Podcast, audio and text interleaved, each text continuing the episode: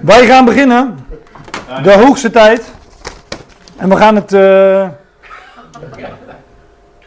hebben over. Uh, nou, het, is, jammer dat we geen camera hebben. De vorige keer hebben, zei ik al van, nou dit is een heel bekend hoofdstuk waar we het over hebben. Dat was uh, 1 Korinthe 13. Maar deze keer weliswaar een heel ander hoofdstuk, maar niet minder bekend denk ik.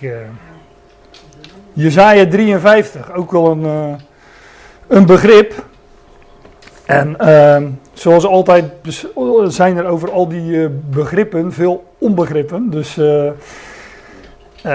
dus is het goed om, sowieso goed, maar goed om eens naar dit hoofdstuk te kijken. De man van smarten, dat is namelijk een, een term uit Jezaja 53, zo heb ik het dan maar genoemd. En... Um, ja, dat is een, uh, dat is een, een uh, niet heel erg lang hoofdstuk, maar toch wel een vers of twaalf. Um, ik heb eerlijk gezegd geen idee of me dat in, uh, in één keer gaat lukken. Ik heb geen haast, dus ik zie het wel. En um, ja, ergens halverwege zal ik daar een beslissing over moeten nemen. Dus we kijken wel. Als ik denk van nou, dat, dat haal ik nog wel voor 12 uur, dan lossen we een pauze in en dan ga ik na de pauze verder. En als ik denk, uh, dat ga ik echt niet, uh, niet redden, dan, uh, dan knippen we hem in tweeën, gaan we gebakken eten en gaan we volgende keer verder. Voor beide opties valt wat te zeggen.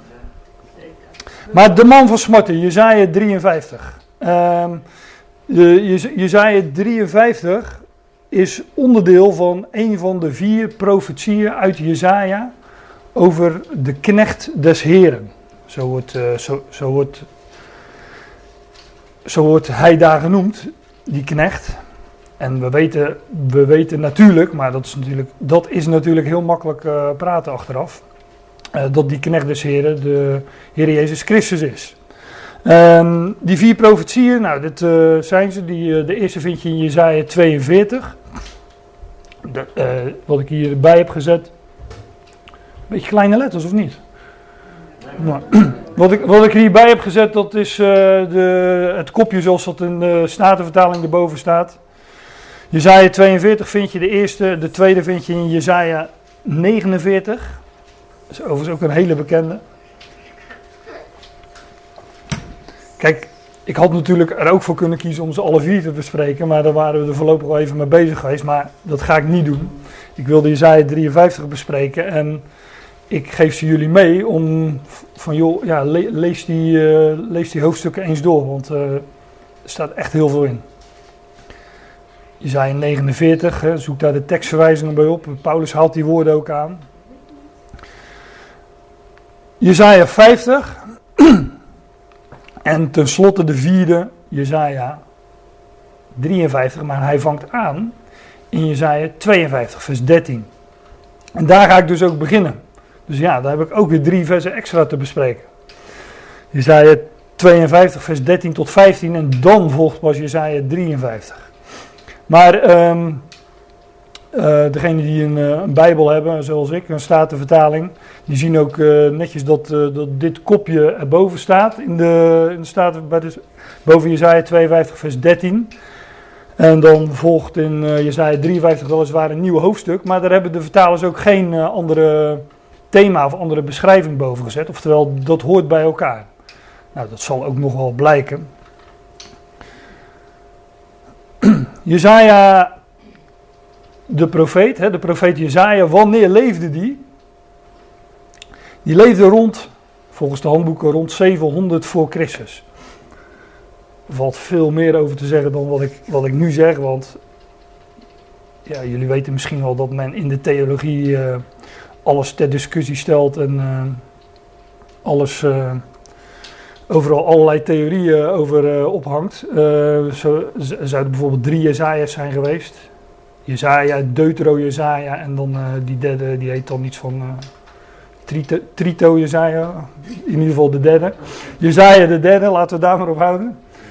Maar men gelooft niet dat het boek door Jezaja geschreven is en dus heeft men allerlei theorieën. En men gelooft ook niet dat Nou men gelooft zoveel niet. En daarom uh, worden er allerlei theorieën op gang. Maar daar hoeven wij niet bij stil te staan, hoop ik. Want ik geloof wel dat Jezaja, Jezaja heeft geschreven. Nou, hij leefde in de dagen van Uzia, Jotam, Agas, Hiskia, koningen van Juda. En dat is natuurlijk gewoon een tijdsbepaling. Dus dat kun je opzoeken in, uh, uh, in de boeken van koningen. Daar worden die koningen genoemd.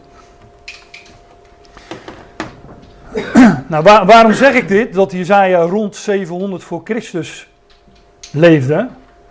Nou, omdat Jezaja, een, het hoofdstuk wat we nu gaan bezien, is een gedetailleerde voorzegging van wie de knecht des heren, dus die ook al in die eerdere drie profetieën genoemd wordt, wie dat zou zijn en wat hem zou overkomen blijkt wel uit Jezaja 53 dat die knecht des Heren de Messias is. Um, maar die. Uh, kijk, wat, wat het, het Jodendom verwacht een Messias. Die zal komen als koning, als de leeuw van Juda. Zijn koninkrijk zal oprichten en alle volkeren zal onderwerpen. Maar wat zij meestal niet zien is dat de Messias eerst moest lijden en sterven voordat hij die positie zou ontvangen en dat is dus iets, hè, die, die, dat lijden, dat sterven en daarna de verhoging. Dat is dus iets wat je in Jezaja 53 uitgebreid beschreven vindt. En natuurlijk ook in die andere profetieën over de knecht des. Want hij is niet voor niets een knecht, een dienaar. Nou, het is een gedetailleerde voorzegging van wie de knecht des Heren zou zijn. De knecht van Yahweh, des Heren met die hoofdletters in de statenvertaling, statenvertaling is Yahweh de godsnaam Yahweh. Maar ik heb het uh, maar gewoon zo laten staan. Maar als ik dan Yahweh wel gebruik, uh, dan uh, weten jullie dat, het, dat het niet iets anders is, maar dat het hetzelfde is. De Statenvertalers hebben het gewoon zo vertaald als de knecht des Heren. En het is de knecht, de dienaar van Yahweh. Maar het is een gedetailleerde en uitgebreide voorzegging van wie hij zou zijn. Zijn menswording, zijn wandel op aarde, zijn lijden, zijn, zijn veroordeling dus het doodvonnis. Zijn sterven, zijn begrafenis, zijn opstanding, zijn verhoging en zijn verborgen positie in onze tijd. Want hij is nu verhoogd in de hemel, aan Gods rechterhand, verborgen. Ja, enzovoorts. Want uh, ik had er nogal dingen aan toe kunnen voegen.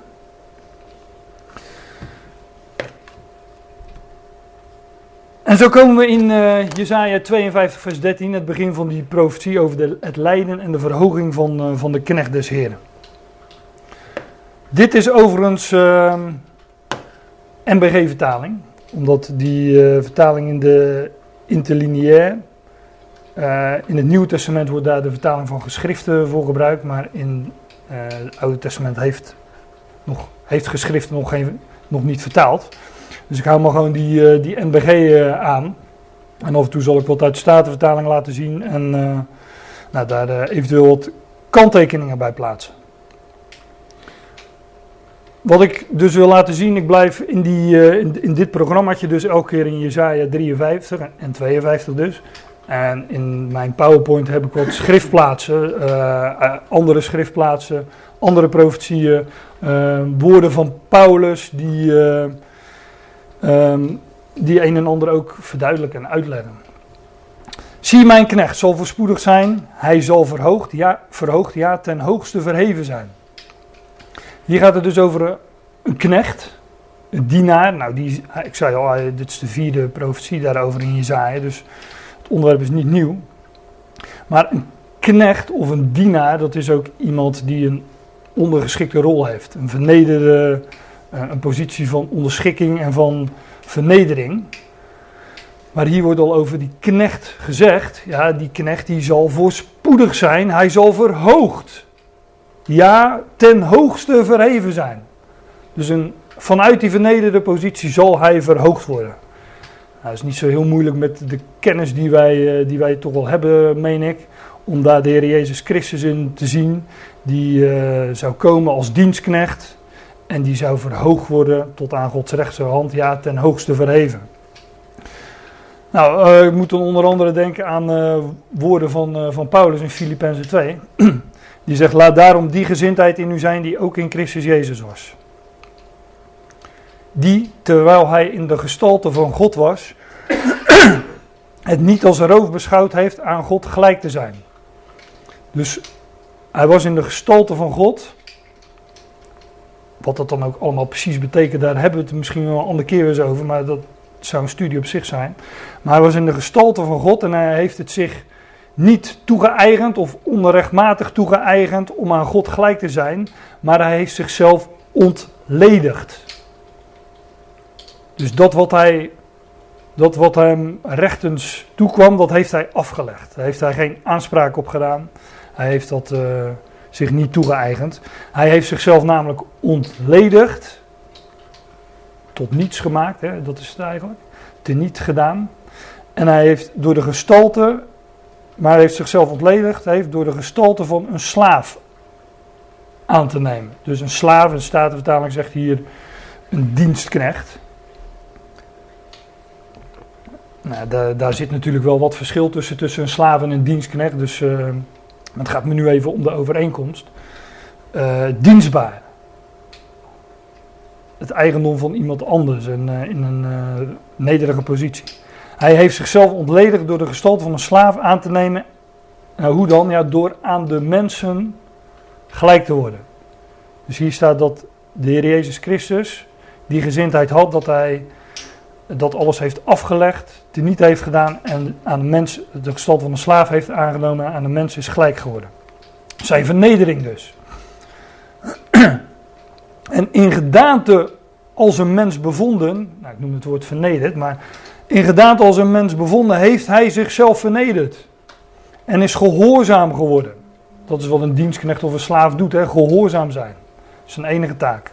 Gehoor geven aan wat zijn, uh, wat zijn eigenaar, wat zijn, zijn vader in dit geval voor ogen heeft. En gedaan als een mens bevonden heeft hij zichzelf vernederd en is gehoorzaam geworden tot de dood.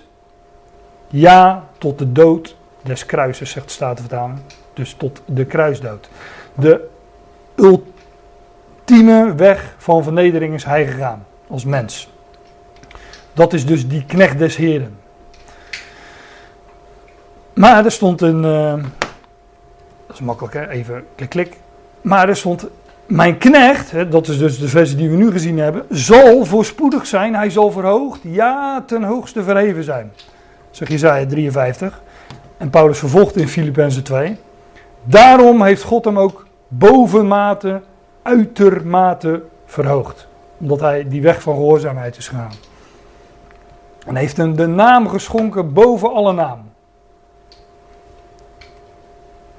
Ten hoogste verheven, hij zou verhoogd worden, ja, ten hoogste verheven zijn. Nou, wat is dat ten hoogste verheven zijn? Hij is uitermate verhoogd en hij heeft een naam geschonken boven alle naam. Die naam heeft hij ontvangen. Hoger kan niet. Hoger kan niet, precies. Want zijn naam, Jezus, betekent Yahweh red. Dus dat is zijn naam en dat is de naam die, uh, die hij ontvangen heeft. Ja, hij heeft een de naam geschonken boven alle naam. Dit, dit gaat natuurlijk nog, uh, nog verder. Hè, opdat, in de naam van Je in de naam van Jezus zich zou buigen alle knie van degenen die in de hemelen zijn en die op de aarde zijn en die onder de aarde zijn. En alle tong zou beleiden dat Jezus Christus Heer is tot eer en heerlijkheid van God de Vader. Dus dat is de naam die hij ontvangen heeft boven alle naam. Dat is ook de positie die hij ontvangen heeft. Dus hij zou uitermate verhoogd hij zal verhoogd, ja, ten hoogste verheven zijn. Zoals velen zich over u ontzet hebben, zozeer misvormd, niet meer menselijk was zijn verschijning en niet meer als die der mensenkinderen, letterlijk als de zonen van de mens, zijn gestalte. Dit gaat natuurlijk weer over zijn, zijn menswording en het lijden wat, uh, wat hem overkwam. En dat hij, zoals uh, hier stond, dat hij uh, gehoorzaam is geweest en zichzelf vernederd heeft, ja, tot de dood, ja, tot de kruisdood. Geslagen, um, vernederd en ja, doorstoken, doorpriemd, enzovoorts. Dus hier, hier spreekt dat van, uh, dit gaat over zijn vernedering, dit, dit vers. Dan gaan we naar vers 15. Zo zal, zo zal hij vele volken doen opspringen, om hem zullen koningen verstommen, want wat hun niet verteld was, zien zij. En wat zij niet gehoord had, hadden, vernemen zij. Dit is een wat, uh, wat lastig vers, want wat betekent dat dan? Dat hij vele volken zal doen opspringen. Je kunt bij opspringen natuurlijk uh, associatie maken met, met opstanding. Degenen die een statenvertaling hebben, die zien dat hier staat: Zo zal hij vele heidenen, vele natieën, want dat staat er ook uh, letterlijk.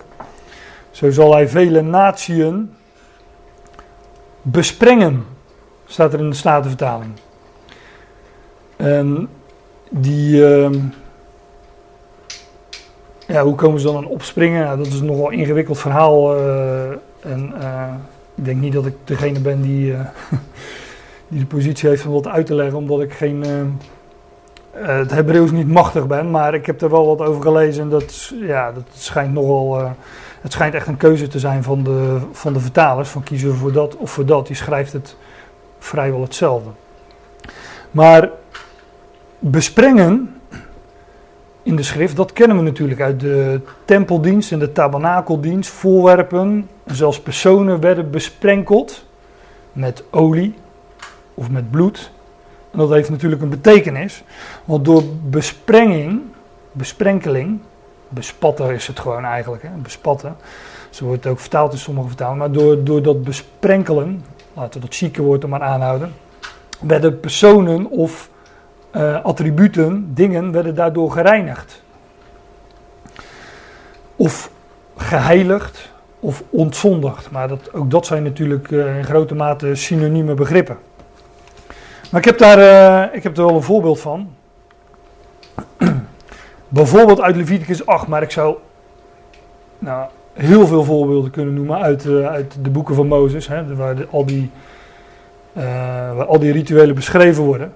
Toen nam Mozes de zalfolie, gewoon olie, hè, olijfolie eigenlijk, en zalfde de tabernakel.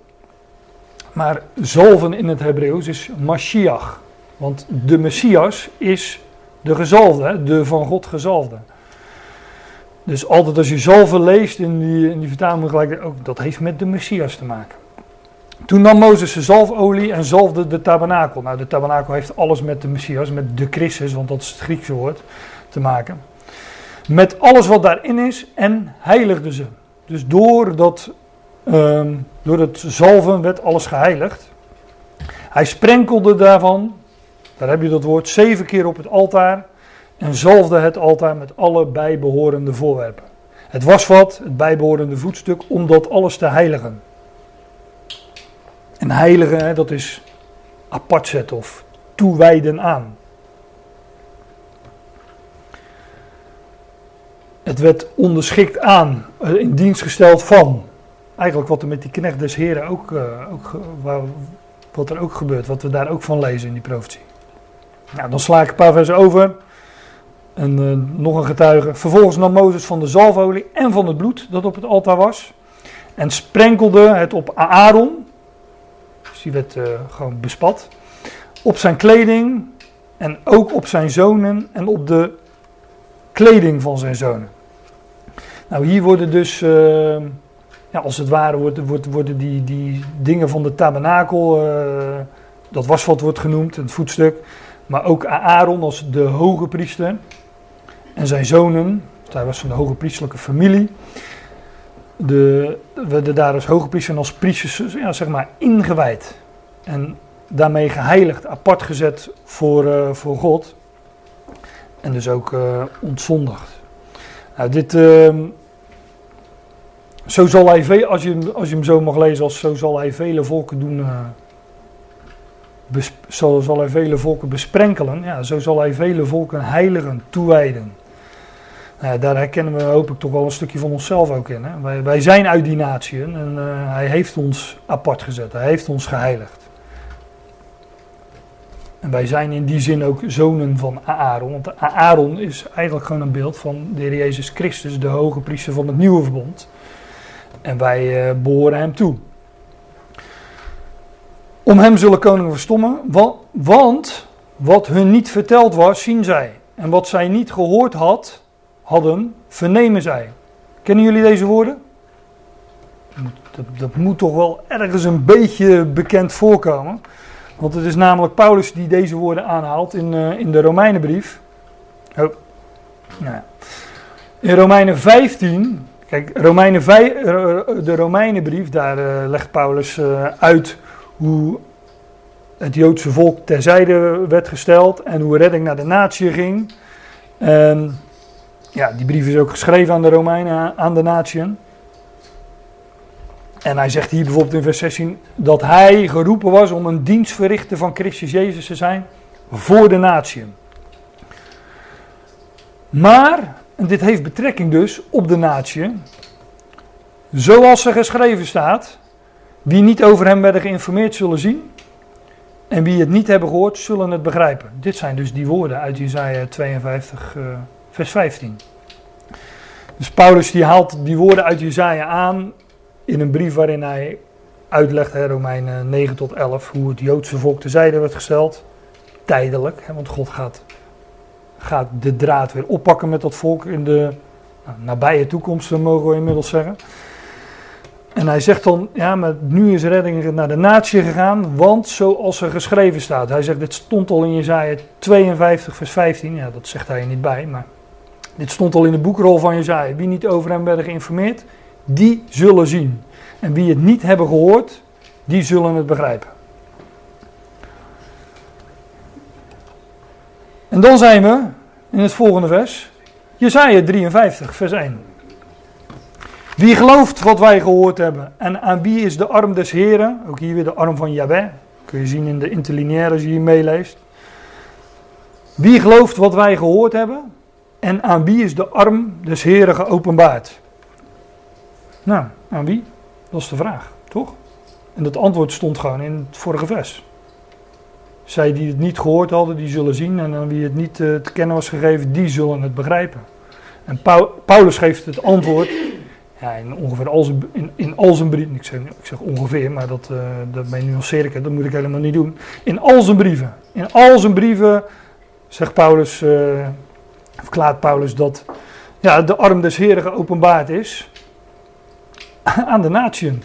Zij die dat inderdaad niet gehoord hadden. En uh, kijk, dat woord van God, zegt Paulus in Romeinen 3, was aan hen, het Joodse volk, zijn de woorden van God toebetrouwd.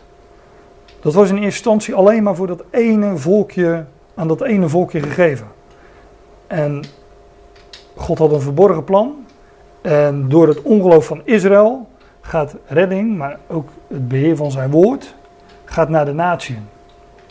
En uh, dat, dat ligt dus al verborgen in, in deze profetie in Jezaja. En daarom liet ik even zien dat dat 700 jaar voor de komst van de Heer Jezus was. Hè? 700 voor Christus ongeveer, maar kijk niet op een, uh, op een paar jaar, op, nou ook niet op 100 jaar wat dit betreft. Nee. Of het nou 700 of 600 is, het, het blijft ver van tevoren. Een hele tijd. Ja, aan de ecclesie, het antwoord hierop is wie gelooft wat wij gehoord hebben, aan, aan wie is de arm des Heren geopenbaard? Nou, aan de ecclesia, aan de gemeente, als je, hoe je het ook wilt zeggen. En aan Israël niet, in de toekomst wel. Is dat toen niet Hoe bedoel je? Uh, dat uh, de natie nog helemaal niet. Uh... Nee, die waren daar nog niet in beeld. Maar kijk, er is natuurlijk heel veel opgeschreven met het oog op Israël. Maar wat Paulus juist doet, is ja, die neemt de bedekking daarvan af. En die laat zien van ja, profetieën die, die, die over Israël gaan, die hebben ook, ook een, toe, een verborgen toepassing op, op de Ecclesia. Op de gemeente, de gelovigen uit de natie. Dit woord. Uh, ja, maar dat staat natuurlijk ook zo, want als een lood schoot hij op voor zijn aangezicht. Ja, dat, net of het al gebeurd is. Daar zijn we, daar zijn we nog niet, hè? Sorry. Ja. Nee, maar dit, dit gaat, kijk, straks, het gaat straks over de Messias die een, als een lood, uh, een reisje uit, in de Statenvertaling is opgeschoten als een wortel uit een dorre aarde. En ja, wie, geloof, wie geloofde dat? Nou, Israël niet in ieder geval. En aan wie is de arm des Heren geopenbaard? Nou. Ja, maar het is 700 jaar eerder opgeschreven. Ja. En het is net of het al gebeurd is. Zo staat het hier. En dat bedoel ik. Ja. Ja. Ja. Ja. Dus het, het is met een vooruitziende... Ja, het is met een vooruitziende blik, omdat Israël in de toekomst deze woorden ook zal spreken. Ja. Israël zal ehm, zeggen, hij was veracht en de onwaardigste onder, men- onder de mensen, een man van smarten, verzocht en krankheid, enzovoort. Waarlijk, hij heeft onze krankheden op zich genomen. Wij achten hem dat hij geplaagd was, van God geslagen en verdrukt was, maar hij is om onze overtredingen gevolgd, om onze ongerechtigheden verbrijzeld. Dat is wat Israël ook in de toekomst zal zeggen. Ja. Ehm. Toe, d- dat zal Israël ook in de, in de, in de deze beleidenis zal Israël ook in de toekomst in de mond nemen. Dus eh, ja, vandaar dat het. eh,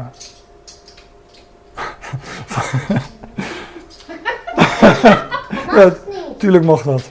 Vandaar dat het er ook ja, wellicht op het eerste oog wat, wat, wat vreemd staat. Wie gelooft wat wij gehoord hebben? Aan, aan wie is de arm des Heren geopenbaard?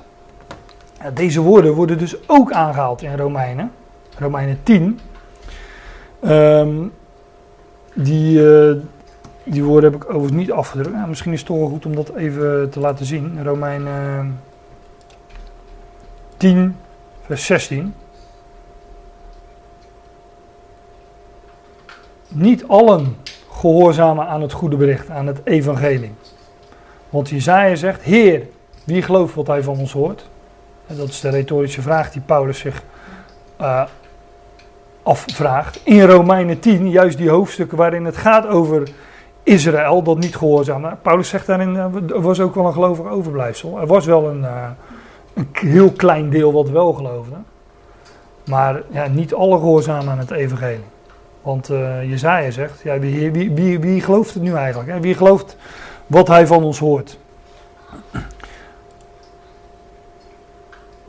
Nog mooier vond ik eh, deze, omdat hij zo mooi ook een uitbeelding geeft van onze tijd. In Johannes 12, waar de Heer Jezus weer eens eh, ja, een gesprek of een discussie heeft met zijn tijdgenoten. En deze dingen spreekt Jezus en wegkomend werd hij voor hen verborgen. Weet je nog, die, die eerste woorden, zie mijn knecht zal voorspoedig zijn. Eh, hij zal, hoe stond het er ook weer? Zie mijn knecht zal voorspoedig zijn, hij, zal verhoogd, ja, ten hoogste verheven zijn. Maar in eerste instantie werd hij na zijn verhoging, en, en wij leven in die tijd, de tijd dat hij ten hoogste verheven is. En in eerste instantie is dat een verborgen positie.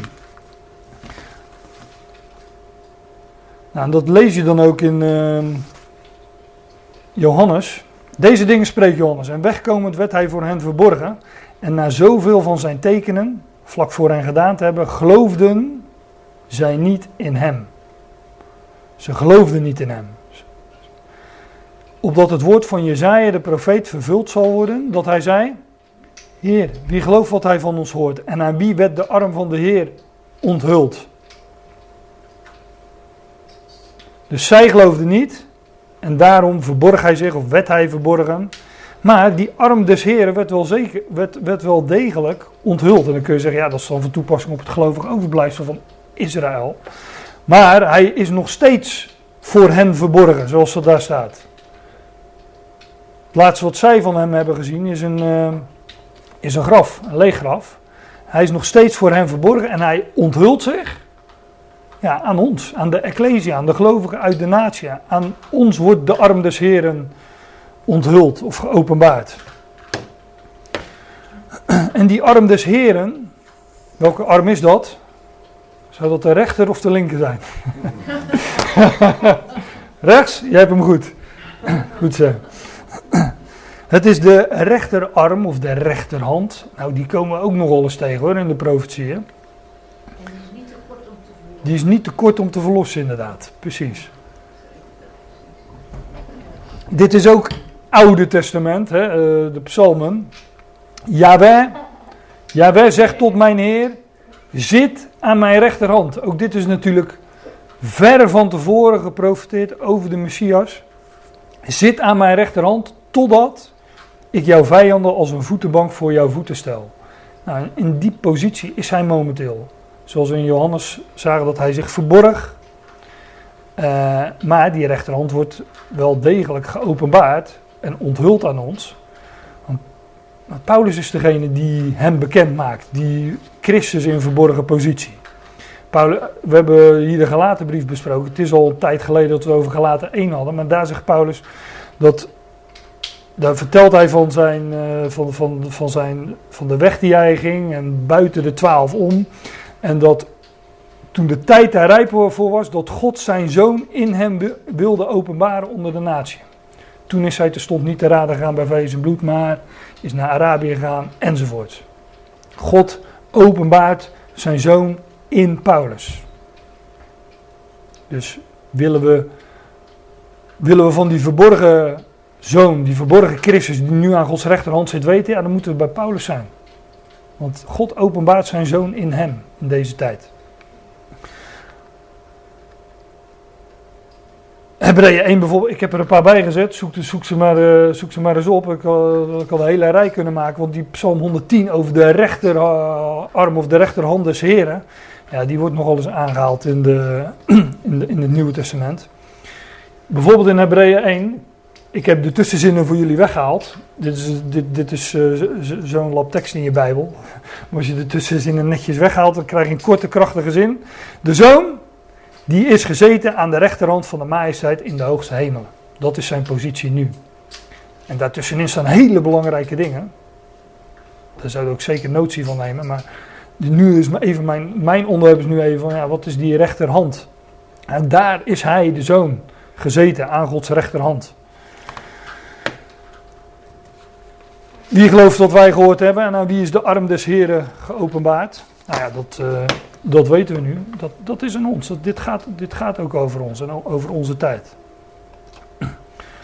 Dan komt hij, uh, Leni. Want als een lood schoot hij op voor zijn aangezicht en als een wortel uit een dorre aarde. hij had gestalte nog luisteren dat wij hem zouden hebben aangezien, nog gedaan dat wij hem zouden hebben begeerd. Kun je ook voorstellen dat dit de woorden zijn van Israël in de toekomst, wanneer... Uh, Paulus zegt dat uh, als hun verwerping al, hoe zegt hij dat in ook Romeinen 9 of 10 of 11, die hoofdstukken. Als hun, in ieder geval, wat zal hun aanneming dan straks wezen? Als hun verwerping tot redding is, tot heil de natie, wat zal hun aanneming dan straks wezen? Anders dan leven uit de doden. Nou, zij, zou, zij zullen zien wie zij doorstoken hebben, zegt uh, Zacharia. En dan zullen ze, ja, dan zullen ze ook deze woorden dan zullen ze terugkijken en zullen ze zeggen, ja, hij had gestalte nog luisteren dat wij hem zouden hebben aangezien. Nog gedaante dat wij hem zouden hebben bereerd. Kijk, de Heer kwam als mens, vernederd, als knecht, hè, de vers 13 van het vorige hoofdstuk. En ik denk dat, uh, dat die, hij, wat, hij, wat als een lood schoot hij, schoot hij op voor zijn aangezicht en als een wortel uit, een, uit dorre aarde. Ik denk dat die dorre aarde, dat dat gewoon een beeld is van uh, Israël, een beschrijving van Israël in ongeloof. Hij kwam daar in het land Israël, uh, het land ten opzichte van de zee. De, de, de zee is een beeld van de volken, maar het land is, is, is een beeld van Israël. Nou, daar schoot hij op als een wortel uit een dorre aarde. En uh, nou ja, ik had schriftplaatsen aan kunnen halen, dus, uh, Ezekiel 37, waar gesproken wordt over dorre doodsbeenderen. Die profetie kennen jullie, hè? Een, een, Ezekiel krijgt een visioen met een dal met dorre doodsbeenderen. En hij vraagt aan God van, ja, wat, wat is dit? Gaan, gaat, gaan deze beenderen levend worden? Nou, dan uh, volgt een hele profetie. Maar in ieder, in ieder geval wordt daar gezegd, deze beenderen zijn het huis van Israël. Daar nog door, maar lees, lees vooral verder, dat, dat komt allemaal goed. En dan weet je ook gelijk, we, we kennen ook een man met een dorre hand. Ook, dat is trouwens ook zijn rechterhand in de evangelie. In de, de synoptische evangelie, Matthäus, Marcus en Lucas, vind je die geschiedenis. En alle drie, daar wordt door de Heer een man met een dorre hand, zijn rechterhand, genezen. Gewoon een uitbeelding van hoe Israël in de toekomst eh, eh, op de grote Sabbat genezen zal worden. Want het wonder gebeurt ook nog eens op een, uh, op een Sabbat. Was Sarah verdord? Ja, oud. Te oud om, een kind te krijgen. Ja, je kent wel verdord zien, maar het staat er misschien. Ja, ik weet niet of dat er zo staat. Ik, eh, Maar het was wel over. ja, ja. En kwam er. En er schiet me nog een andere, een andere vrouw eh, te binnen. Dat was, ik meen Rachel. Die eh, in de velden van Efrata. ehm, daar beviel zij van een zoon. En zij noemde die zoon Ben-Oni. Zoon van mijn smarten. En zij stierf bij de geboorte van, eh, van die zoon. En toen zei ehm, Jacob. Hij zei nee ik noem hem niet Ben-Oni. Ik noem hem Benjamin, zoon van mijn rechterhand. Dus de, de, de, de zoon van, van mijn smarten, ons onderwerp is nu de man van smarten. De zoon van smarten, die werd de zoon van mijn rechterhand. In de velden van Efrata, bij Bethlehem staat erbij. Ik weet niet welk hoofdstuk in Genesis het is. Maar daar worden prachtige beschrijvingen be- gegeven van Rachel. Die stierf bij de geboorte van de zoon. Uit Rachel een beeld van Israël, dat inderdaad stierf, dor werd. Om het zo te zeggen. Het staat er niet zo, maar ik maak even de, de parallel met, eh, met, met andere schriftgedeeltes. Zij stierf daar in de, in de velden van Efrata en er werd een zoon geboren. In eerste instantie noemde zij die zoon nog zoon van mijn smarten. Zoals Israël in dit hoofdstuk de Messias noemt de man van smarten. En toen stierf zij. En later zegt Jacob, de vader, zegt nee, dit is niet de, de, de zoon van mijn smarten, dit is de zoon van mijn rechterhand, Benjamin. Als beeld van de vader die hem zette aan zijn rechterhand. Nou, dat, lees, dat zit, staat allemaal een paar van die versen in, eh, in Genesis. Daar ligt, dat al, eh, daar ligt dat al vast. Maar nu doe ik dat even uit mijn hoofd, daar is vast veel meer eh, over te vertellen. Maar dan zeg ik er altijd bij, dat doen we, als we de tijd hebben, doen we dat nog wel zeggen. Maar hier, als we met het tempo waarin het nu gaat, weet ik zeker dat we de volgende keer met Isaiah 53 verder gaan. dat is niet erg. Als een lood, als een reisje staat er in de Statenvertaling. Als een eh, lood schoot hij op voor zijn aangezicht als een wortel uit dorre aarde. hij had gestalte nog luister, dat wij hem zouden hebben aangezien. Nog gedaante dat wij hem zouden hebben begeerd. Ja, in, eh, dat is ook Jezaja.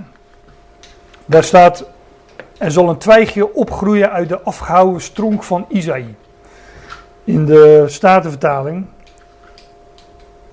dat is de vertaling die ik het beste ken, alles wat, wat ik uit mijn hoofd eh, of in mijn hoofd zit ongeveer, dat, eh, dat is staat wel. Daar staat, er zal een reisje voortkomen uit de afgehouwen tronk van Isaïe. En hier in Jezaja 53 vers 2, moet ik zeggen, hier in Jezaja 53 vers 2 wordt in de Statenvertaling, wordt het beide vertaald met een reisje. Het, het, is, het is een ander woord in het Hebreeuws, maar het gaat natuurlijk wel over eh, hetzelfde. Het gaat over dezelfde. Want hier in Jezaja 11 gaat het over eh, de afgehouden stronk van Isaïe, de- als uitbeelding van het koningshuis van David. Hè. David was een zoon van Isaïe. Maar dat koningshuis werd afgehouden en daar zou een reisje voortkomen of een twijgje opgroeien uit die afgehouden stronk van Isaïe. Daar zou, ja, daar zou weer leven uit voortkomen. En een lood uit zijn wortels zal vrucht voortbrengen. Op hem zal de geest van de Heer, Jawel, rusten, de geest van wijsheid en inzicht, de geest van raad en sterkte, de geest van de kennis en de vrezen des Heren. Ehm, ja, ik moest ook denken aan eh, nog een schriftplaats, ook uit het Oude Testament. Dit is een, eh, ook een bekende, Psalm 1. Gelukkig is de man die niet gaat in de beraadslaging van de slechte. En die niet staat op de weg der zondaren. En die niet zit in de zetel van de spotters. Maar veel eer in de wet, de Torah van Jahweh, zijn behagen heeft. Torah, onderwijzing.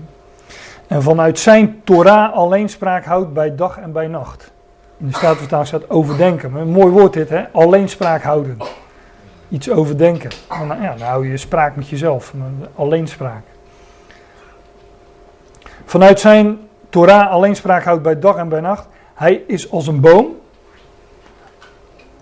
en dan staat in alle vertalingen bijna geplant, maar er staat echt overgeplant aan waterbeken. Dus hij is die wortel die opschoot in dorre aarde. Dat is uh, zijn menswording. Hij werd daar geboren in Israël. Uh, kwam daar als mens in, in, in de, de, gestalte van een dienstknecht. Maar God heeft hem overgeplant. Overgeplant aan waterbeken. Die zijn vrucht geeft in zijn seizoen. Zijn blad verwelkt niet. Hè, dat is, uh, daar gaat het dus over onvergankelijkheid. Als, als het niet verwelkt. In alles wat hij doet zal hij voorspoedig zijn. Nou, dat overgeplant, ik heb, de diverse, ik, ik heb diverse bronnen op nagekeken, staat echt overgeplant. De Engelse concordant version zei volgens mij to transplant, hè, transplant.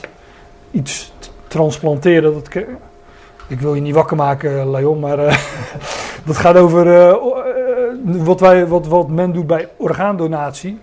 Je transplanteert iets, je zet het over van het een naar het ander. Dat is transplant, dat is eigenlijk ook overplanten. Nou, dat woord staat dan in het Engels. Overgeplant aan waterbeken.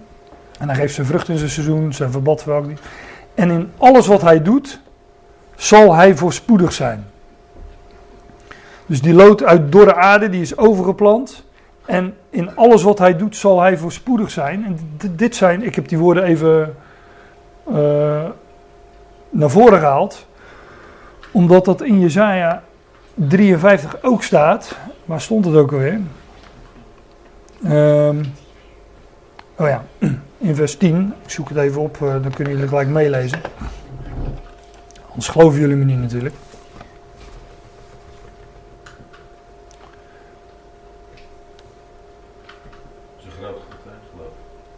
Ja, kijk. Het verlangen, het voornemen des Heren zal door zijn hand voortgang hebben, staat in vers 12.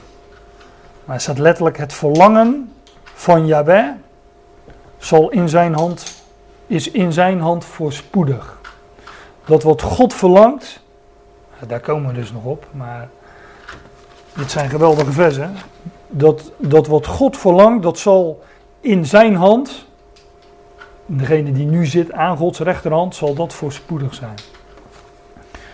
Nou, dat is dus uh, vers 12. Dus daar komen we nog op. Hij schoot, want als een lood schoot hij op voor zijn aangezicht, als een wortel uit dorre aarde, uit gestalte nog luister dat wij hem zouden hebben aangezien, nog gedaante dat wij hem zouden hebben begeerd. Hij was veracht, van mensen verlaten, een man van smarten. Kijk, hier staat dus die, eh, die term. Man van pijnen, man van smarten. En vertrouwd met ziekte, ja, als iemand voor wie men het gelaat verbergt. Hij was veracht en wij hebben hem niet geacht. Kijk, dit is dus ook Israëls beleidenis in de toekomst. Hè? Dit zijn woorden die zullen zij in de mond nemen. Het spreekt van zijn wandel op aarde. Hij was, uh, hij was veracht. Dat vinden we bijvoorbeeld ook in uh, Psalm 22. Ook zo'n pro profetische psalm die die we ook aangehaald vinden in de evangelie rondom het lijden en sterven van de Heer Jezus en zijn kruising. Er wordt daar ook al, ja, dat is ook een voorzegging, hè? alle die mij zien hoonlachen tot mij, bespotten mij. Zij steken de lip uit. Zij schudden het hoofd zeggend, hij heeft zichzelf overgedragen aan Yahweh, laat die hem verlossen. Laat die hem uitredden als hij een behagen in hem schept. Maar dat was Gods. God, God zou hem inderdaad verlossen, maar die verlossing kwam niet op dat moment aan het kruis, maar op de derde dag. Hij heeft zichzelf overgedragen. Dat is dus die knecht des Heeren, de knecht van Jawel. Hij heeft zichzelf overgedragen aan Jawel. Laat die hem verlossen, laat die hem uitredden. Maar hij was veracht, dat zien we hier ook. Want ze, hoonlachten om hem en die woorden werden vervuld uh, bij zijn kruising. En daar worden deze woorden uit Psalm 22 ook aangehaald. In Marcus 9 zegt de Heer Jezus zelf, en het zal geschieden zoals geschreven is. Waar is dat dan geschreven? Nou, bijvoorbeeld in Jesaja 53. Het zal geschieden zoals geschreven is over de Zoon des Mensen, dat hij veel lijden zal en veracht worden. Hij was veracht, van mensen verlaten, een man van smarten en vertrouwd met ziekte. Ja, of, of dat nou gaat of dat hij zelf ziek is geweest of dat hij uh, vertrouwt met ziekte, ziekte om zich heen.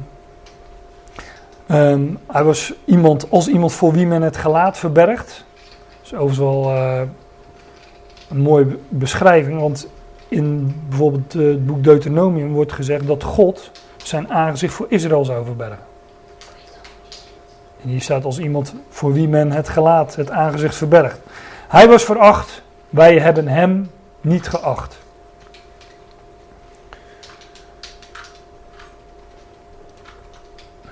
Nochtans,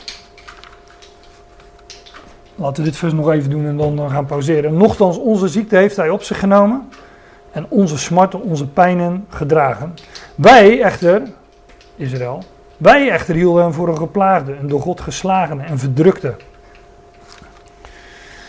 Kijk, dit, dit vers. Misschien uh, kennen jullie heel die gedachten niet, dan maak ik slapende honden wakker natuurlijk. Maar dit vers dat wordt wel aangehaald om uh, genezing, in onze tijd, om genezing op ziekte te claimen. Van ja, God geneest en hij, uh, we kunnen daar een claim op doen, want hij heeft onze ziekte op zich genomen. Dat staat in Jezaja 53. Jezus heeft onze ziekte op zich genomen, dus hoeven wij niet meer ziek te zijn. En als je dan toch ziek bent, ja, dan heeft het waarschijnlijk een reden. En als je bidt en je wordt niet genezen, heeft het ook een reden. Want dan komt dat dus, komt, heb je of niet goed gebeden inderdaad, of het komt door je eigen ongeloof. Ja, dat, dat klinkt... Uh, we, lachen erom en dat mag ook voor mij. Maar, maar, maar zo wordt het vaak wel uh, voorgesteld. Natuurlijk wordt het iets minder direct gezegd. Misschien ook niet, dat weet ik niet. Maar dat doet men een beroep op dit vers. Ja, hij heeft onze ziekte op zich genomen en onze smarten gedragen. Maar de uitleg van dit vers staat gewoon in het Nieuwe Testament. In, uh, in Matthäus. Daar wordt beschreven hoe, uh, hoe de Heer Jezus zieken genas. Er staat toen het nu avond werd, brachten zij hem vele demonisch gedreven wordenden, van de demonen bezeten, is dat in andere vertalingen. En hij wierp die geesten uit met een woord. En allen die een kwaal hebben, genas hij. Daar, op dat moment. Zodat vervuld zou worden, wat uitgesproken werd door Jezaja de profeet, zeggende, hij nam onze zwakheden en hij draagt de ziekte. Dus de schrift zegt gewoon, ja, daar werd dat vervuld, doordat de Heer Jezus zieken genas. Die woorden uh, uit Jezaja werden daar vervuld en uh, dat is dus de betekenis van die woorden. Israël zegt dit ook. Hè? Nochtans, onze ziekte heeft hij, op zich, heeft hij ja, op zich genomen, of heeft hij genomen, of heeft hij weggenomen en onze smarten gedragen. Wij echter, er zit al, de, de, de, als, je, als je het zo leest, dan schuilt er al in van. Wij echter, ja, wij, wij, maar daar zitten wij mis. Wij echter hielden hem voor een geplaagde, een door God geslagene en verdrukte. Zij rekenden, Israël rekende hem als van God geslagen. Dat vind je ook in de evangelie. Maar in het christendom is het niet anders. Hè? In het christendom leert men ook dat hij door God geslagen werd omdat hij de straf droeg op onze zonde. Dus hij, moest daar, hij kreeg daar, ja, daar kwam de toren van God over, uh, over hem, die daar stierf in plaats van ons. Dus ook zij uh, houden hem voor een geplaagde, een door God verslagene en gedrukte. Um,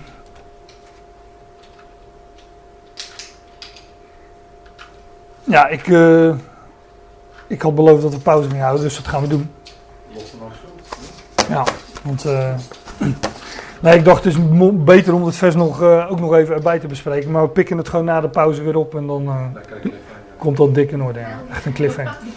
Dat er, dat er, nu kunnen er geen mensen weggaan in de pauze. Ja. We gaan eerst naar koffie en, en, gebak. We waren gebleven in vers 4.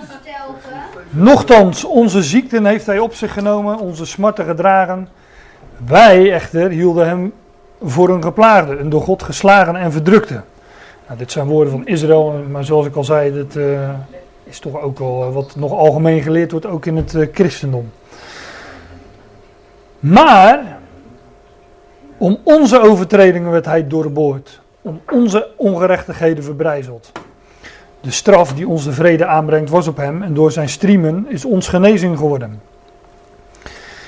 Om onze overtredingen werd hij doorboord. dus uh, ja, door Israëls optreden natuurlijk werd hij doorboord. He, doordat zij hem overleefden aan de Romeinen en uh, aangaven dat, uh, dat hij moest sterven. Maar ook natuurlijk doordat hij stierf voor de zonden van het volk. En voor onze zonden. En voor ieder zonde overigens. Hij stierf voor de zonden der wereld. Hij werd om onze overtredingen doorboord. Wat hier niet staat, dat moet, je, dat, dat moet ik erbij zeggen. Dat, hè, en om, hij werd, om onze overtredingen werd hij doorboord, om onze ongerechtigheden verbrijzeld. Wat hier niet staat, is dat hij werd doorboord en ver, verbrijzeld om de straf op onze zonde te dragen. Dat staat hier niet. Zo leest men het wel, maar het staat er niet. Hij werd, hij werd om onze overtredingen doorboord en om onze ongerechtigheden werd hij verbrijzeld. Dat wat Israël, Israël hem aandeed, daarom werd hij doorboord en daarom werd hij verbrijzeld. Hij werd overigens uh, doorboord. Zijn handen werden doorboord, maar ook met die speren. In Johannes 19, vers 34. Een van de soldaten stak met een speer in zijn zijde en meteen kwam er bloed en water uit. Hij werd geslacht als een, uh, als een lam. Ja, dit, is een, nou, dit is een verhaal op zich hoor, want ik geloof dat, dat, dat dit de, de, met recht de doodsteek was waardoor, waardoor hij om het leven kwam. Maar dat uh, is, een, is een kwestie die met vertalingen te maken heeft en met een vers dat weggelaten is in het, in het ene evangelie. Volgens mij hebben we het daar ook wel eens over gehad toen we het hadden over de gebeurtenissen rond de kruisiging. Dus uh, dan verwijs ik maar terug naar uh, oude studies. um, maar om onze overtredingen werd hij doorboord, om onze ongerechtigheden verbrijzeld. De straf die ons de. Hey, de straf. Heeft hij dan toch de straf op onze zonde gedragen? Nee, de straf die ons de vrede aanbrengt was op hem. Wat is die straf?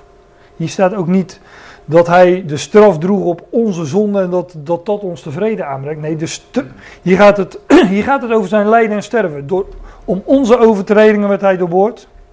Of vanwege onze overtredingen. Vanwege onze ongerechtigheden werd hij verbrijzeld. De straf die ons de vrede aanbrengt was op hem. Door zijn stream is ons genezing geworden. Die straf is niet de straf van God die hij droeg. Dit gaat over de, wat, wat, wat Israël, wat de mensen hem aandeden. Hij kreeg daar de doodstraf. Hij werd, uh, hij werd door, uh, door het Joodse volk overgeleverd aan de Romeinen om ter dood gebracht te worden.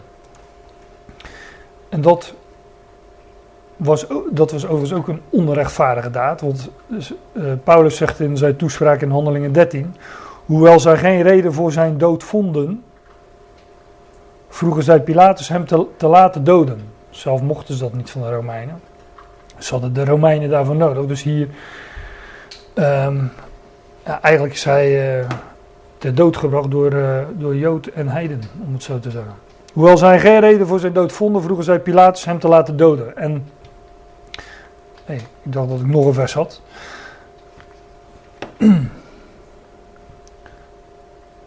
Ja, die heb ik nog. Maar eerst even dit. De straf die ons de vrede aanbrengt, was op hem. Door zijn striemen is ons genezing geworden. Dus dit gaat over zijn lijden en sterven. Hè. Om onze overtredingen werd hij doorboord. Om onze ongerechtigheden verbrijzeld. De straf, de doodstraf dus, die hij kreeg. Die ons de vrede aanbrengt, was op hem. Hij werd de dood veroordeeld. Dus hier staat echt niet wat men daar uh, doorgaans in leest.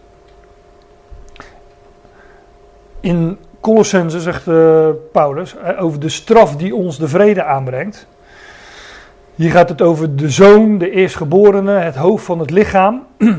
En dan staat er, en door hem alles. God gaat door hem alles, het zij wat op de aarde is, het zij wat in de hemel is, tot hem wederzijdse verzoenen. Dus God gaat het al, het alles wat op aarde, wat in de hemel is, tot hem verzoenen. Wanneer hij, hier staat het ook, hè, wanneer hij door hem vrede maakt, door het bloed van zijn kruis. Dus God maakt vrede door, ja, door de die straf die de mensen hem aandeden. Juist door die daad, is natuurlijk, de, ik noemde net het woord onrechtvaardige, onrechtvaardige daad. Maar er werd daar een onschuldige, dat, dat, ze vonden ook geen schuld in hem. Ze vonden geen schuld in hem, maar toch zei ze hij is des doodschuldig. En dat is natuurlijk het grootste onrecht wat ze hem hebben kunnen aandoen. En wat ze ook God hebben kunnen aandoen door zijn zoon aan een kruis te nagelen. Nou, door die, juist door die wandaad maakt God vrede. Door het bloed van zijn kruis. En dat is verzoening. Die, want verzoening is het, uh, het, het, de vijandschap wegnemen van vijanden, de vijandschap veranderen. Het veranderen van een vijand in een, een vriend of een medestander. Nou, dat doet God juist door die afschuwelijke daad. Als Israël, en ook de natie, als ze ergens hadden verdiend om het, om het niet te krijgen, om het zo te zeggen, ja, dan was het wel daar, door wat daar gebeurde. Maar juist door die afschuwelijke daad gaat, maakt God vrede door het bloed van zijn kruis. Nou, als dat geen genade is, dieper kon men niet zinken. En juist daar zegt God van, God wekt hem op na drie dagen. En door, daardoor geeft God de wereld het leven. Ook aan, ja, aan zij die hem uh, aan het kruis nagelden. In Petrus, Petrus haalt, woorden, Petrus haalt de woorden in, uh, uit Jezaja aan. Ik heb deze even grijs gelaten, daar kom ik straks op.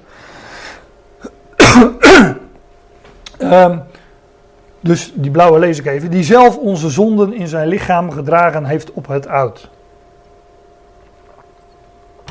Opdat wij voor de zonde dood, voor de gerechtigheid zouden leven. Die zelf onze, dit, dit gaat ook over Israël, hè, want Petrus is een, een van de twaalf en die schrijft ook aan, uh, aan, aan, aan, aan de besnijdenis, om het zo te zeggen. Maar hij zegt dan die zelf onze zonde in zijn lichaam heeft gedragen op het hout. En die zonde, dat waren de misses van het volk. Dat, dat wat zij hem misdeden. De slagen, de nagels, de, de doornenkroon, de speerstoot. Ja, wel, weliswaar door de hand van Romeinen. Maar zij begingen een misser, want dat is een zonde, een doelmissen, door, uh, door hem aan het kruis te nagelen. En hij heeft die zonde in zijn lichaam gedragen op het hout. Op, op dat, dit lijkt Paulus wel, hè, wat hij hier zegt. Opdat wij voor de zonde dood, voor de gerechtigheid zouden leven. Dat is net uh, Romeinen 6. Want wij zijn met hem gestorven, opdat wij in nieuwheid van leven zouden wandelen, zegt Paulus in Romeinen 6. En dan, door zijn striemen bent u genezen. Ook dat lazen in, uh, dat zijn dus woorden uit Jesaja 53. Door zijn striemen bent u genezen, want u was als dwalende schapen. Kijk, hier kom ik weer op dat genezen. Men zegt van ja, door zijn striemen zijn wij genezen, dus hoeven we niet ziek te zijn. Maar daar gaat het niet over, want moet, daarom moet je schrift met schrift vergelijken. Peters legt die woorden hier uit, uit Isaiah 53. Hij zegt dat door zijn striemen bent u genezen, dat betekent, want u was als dwalende schapen. Dus het gaat niet, dit gaat niet over lichamelijke ziekte, dit gaat over afdwaling en over opstandige schapen die de weg kwijt zijn. En daarvan, zegt Petrus, daarvan zijn jullie genezen, door zijn striemen. Helder toch, als je die dingen naast elkaar legt? Dan krijg je gewoon de antwoorden. Door zijn striemen bent u genezen, want u was als dwalende schapen. Schapen zijn niet zoveel willen. Nee. Ah, maar als er één schaap over de dam is, uh, Leni, dan. Uh, dan uh, dat, dat woord streamen, um, dat, dat komt in Jezaja nog één keer voor. En dat vinden we in uh, Jezaja 1 en er wordt, een, uh, er wordt Israël wordt voorgesteld als een lichaam dat ziek is. En daar vinden we ook dat woord van streamen. Het gaat om. Zie, ik, ik, kijk, ik had het net over. Uh, ik niet, maar Petrus. Die heeft het over. Door zijn streamen bent u genezen, want u was als dwalende schapen. Dus dat gaat over geestelijke genezing, om het zo te zeggen. Niet om, om lichamelijke genezing. Nou, hier in Jezaja 1 wordt Israël voorgesteld als een, als een lichaam dat ziek is. Heel het hoofd is ziek. Heel het hart is afgemat. Vanaf de voedsel tot het hoofd toe is er geen gezonde plek aan. Wonden en striemen. Dit woord. Dat is de enige keer, andere keer dat het in Jezaja voorkomt. Gapende wonden, niet uitgedrukt, niet verbonden en niet met olie verzacht. Hier wordt Israël voorgesteld als een lichaam dat genezing nodig heeft, hè, want, want zij zijn dwalende schapen. Um, dat van die dwalende schapen, dat, staat dat staat hier ook in het volgende vers, want ik ben nu weer terug in Jezaja 53. Dat is het makkelijke van die programma's, even klikken en je bent van het een in het ander, maar soms is het wel handig om in je Bijbel, je bij, je, want je moet soms even schakelen. We, zijn, we zitten nu wel, uh, we schakelen nu al van het een naar het ander. Hebben jullie geen moeite mee, zie ik, maar... Misschien dat ik mijn eigen onkunde projecteer op jullie nu. en het af en toe er even bij zeg. maar hier stond de straf die onze vrede aanbrengt was op hem. Door zijn striemen is ons genezing geworden. Wij allen dwalen als schapen. En, en, Petrus legt dat uit. Want wij allen dwalen als schapen. En daar, en, en daar gaat die genezing over. Wij wenden ons een ieder naar zijn eigen weg. dat doen opstandige schapen. Die wenden zich naar hun eigen weg. Maar de Heer heeft onze alle ongerechtigheid op hem doen neerkomen. Um, dat van die schapen, ik zei net, deze woorden zal Israël in de toekomst spreken. Nou, in de profetieën, ik heb één voorbeeld uh, geloof ik. Daar wordt het volk Israël voorgesteld als een, als een kudde, een kudde schapen. Dan staat er, mijn schapen dwalen rond op alle bergen en op elke hoge heuvel. Dat is uh, Zegen 34. Over heel het aardoppervlak zijn mijn schapen verspreid. Dat is een mooi beeld van de diaspora, toch? Er is niemand die naar ze vraagt. Er is niemand die ze zoekt. En dan.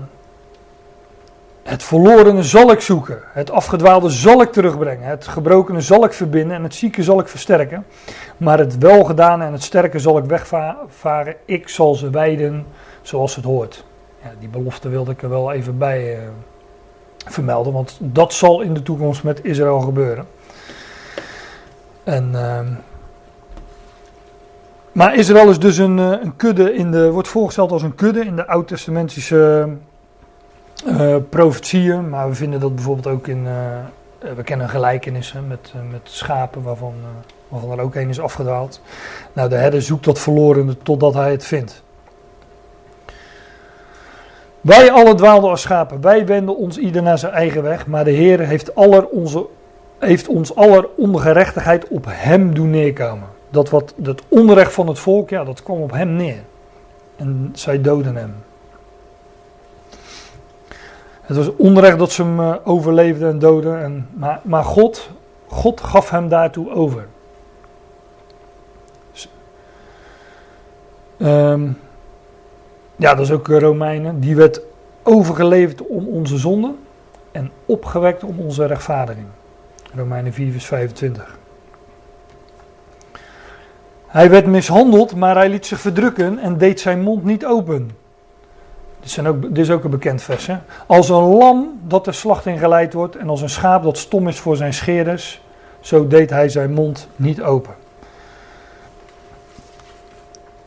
Ja. Dit, uh, dit wordt dus ook beschreven in de evangelie, de gebeurtenissen rondom het lijden en de, en de veroordeling van, uh, van de Heer Jezus. De hoge priester stond op en zei tegen hem, Matthäus 26, vers 62, antwoordt u niets? Wat getuigen deze tegen u? Maar Jezus zweeg. Dat vind je meerdere keren. Toen hij door de overpriesters en oudsten beschuldigd werd, antwoordde hij niets. Dus hij deed als een lam dat de slachting werd geleid en als een schaap dat stom is voor zijn scheerders, deed hij zijn mond niet open. Petrus, net, uh, net was dit blauw en dit grijs, nu is het andersom. Hij die geen zonde gedaan heeft en in wiens mond geen bedrog gevonden is, die toen hij uitgescholden werd niet terugschold. En waarom dan? Toen hij leed niet dreigde, maar hij het overgaf aan hem die rechtvaardig oordeelt. Hij wist dat hij deze weg moest gaan en daardoor kon hij zich als een lam ter slachting laten leiden en als een schaap dat stom is voor zijn scheerders. Hij wist, hij wist ook, hij deed dat, hij heeft die schande, zo zegt Hebreeën 12, dat hij heeft die schande verdragen en het kruis uh, veracht om de vreugde die hem voorgesteld was. Hij wist namelijk ook vanuit de profetieën dat God hem zou opwekken op de derde dag. Daarom kon hij het overgeven aan hem die rechtvaardig oordeelt. En daarom kon hij zich als een lam de slachting laten leiden en als een schaap dat stom is voor zijn scheerders. Dat is ook wel mooi, hè? want ik zei net dat de, de kudde is een beeld van Israël. Maar hij was dus ook onderdeel van die kudde, als lam en als schaap, zoals dat hier staat. Hij was, uh, ik, en ik zei net, als één schaap over de dam is. Maar dat, ook daar is het natuurlijk een dubbele zin. Want hij is over de dam, hij is de eersteling die uh, onvergankelijk leven heeft ontvangen. Nou, en als één schaap over de dam is, dan, uh, dan volgen er meer. Sterker nog, dan volgt de hele kudde. En dan mag, je van mij de kudde Israël invullen, je mag de natie invullen, je mag, uh, je mag iedereen invullen, want iedereen zal die dam overgaan om in die beeldspraak te blijven. En als lam was hij dus onderdeel van de kudde. En Israël, dat, dat zagen we net, wordt voorgesteld als een kudde opstandige, afgedwaalde schapen. En hij was een, uh, hij was juist het, gehoorzame lam. Het gehoor, dat lam dat zich ter slachting liet leiden. Het lam dat, uh, dat zijn mond niet opendeed toen hij vals beschuldigd werd. Dus dat is ook weer de tegenstelling hè, tussen het volk Israël als opstandige schapen en, uh, en de Heer. Als we dit lezen, ik weet niet of jullie dat ook hebben, maar als je dit leest, als een lam dat de slachting werd geleid, als een schaap dat stom is voor zijn scheerders, dan weet je meteen dat al die lammeren en die schapen die we in het Oude Testament vinden, een beeld zijn van hem. Al die offerlammen die, zich, uh, die, die geofferd werden, die ter slachting werden geleid. Want er, zijn wat voorschriften in het uh, Oude Testament uh, met betrekking tot het lam. Maar wat dacht u van deze? De vol, Johannes, de doper, die zag Jezus naar zich toe komen. Johannes 1. En hij, zei, hij zegt ook, zie het lam van God. Zie, nee, zie, zie het lam van God. Dat de zonde van de wereld wegneemt. Waarmee dus ook gezegd wordt, al die lammeren zijn een uitbeelding van het lam van God. Al die, de, de, de, de, de, de bok op grote verzoendag, de, de, de, de offerdienst in de tabernakel, in de tempel, de, de, al die, die, die, die schuldoffers, zondeoffers, waarbij lammeren werden geofferd, zijn allemaal uitbeelding van dat ware offer. Eh, het lam van God dat geslacht werd daar aan het kruis. Zoals hier op die uh, slagbank. En dat werd dan geofferd, door vuur weggenomen. En steeg zo op naar boven, een beeld van zijn opstanding en zelfs van zijn hemelvaart. De slachting is het kruis, daar vloeide het bloed van het kruis, het bloed des kruises. En op dat altaar werd hij geofferd en, uh, als beeld van zijn opstanding. Nou, al die lammeren en schapen nogmaals, die uh, zijn daar een beeld van. In, in openbaring 5 lezen we over de... Uh, het lam staande als geslacht. Dus daar is dat geslachte lam, staat daar. Dus het gaat over het opgestaan, opgewekt. En als je die versen daarvoor en, daarna uh, bij elkaar leest, ja, dan wordt het wat. Uh, maak daar maar eens een tekening van, want het gaat over de leeuw van Juda en die wordt dan gezien als een lam staande als geslacht. het lammetje staat er zelf in, een verkleinwoord. Ja, um, dit, dit, dit gedeelte mag ik, uh, mag ik niet onbesproken, tenminste uh, niet onvermeld laten. In handelingen 8 is er een molman, zo kennen we hem, een molman op reis. En die, uh, dat was dus een, weet ik veel, Ethiopiër, een, een zwarte, maar dat mag je ook niet meer zeggen geloof ik. Hè? Anders dan blank geprint. Ja, als ik dat tegen mijn kinderen zeg, dan die leren op school dat het discriminatie is. Dat zeg. Of een neger ook al niet meer, geloof ik. Dus. Hoe doen ze dat dan in Suriname? Dan het, valt niet, het valt niet mee uh, ja. om te zeggen wat je bedoelt tegenwoordig. Hè? Ja, maar die molman die is hier op reis en uh, dan wordt Filippus door de geest naar hem uh, toegedreven. En die zit in zijn, uh, zijn wagen. Het is een kamerling, iemand van, van, van, van de regering zeg maar. En dan, die leest een schriftgedeelte. En het schriftgedeelte dat hij las was dit. Hij is als een schaap naar de slachting geleid en zoals een lam stemmeloos is bij de scheerder, zo doet hij zijn mond niet open. In zijn vernedering is zijn oordeel weggenomen en wie zal over zijn geslacht vertellen, want zijn leven wordt van de aarde weggenomen.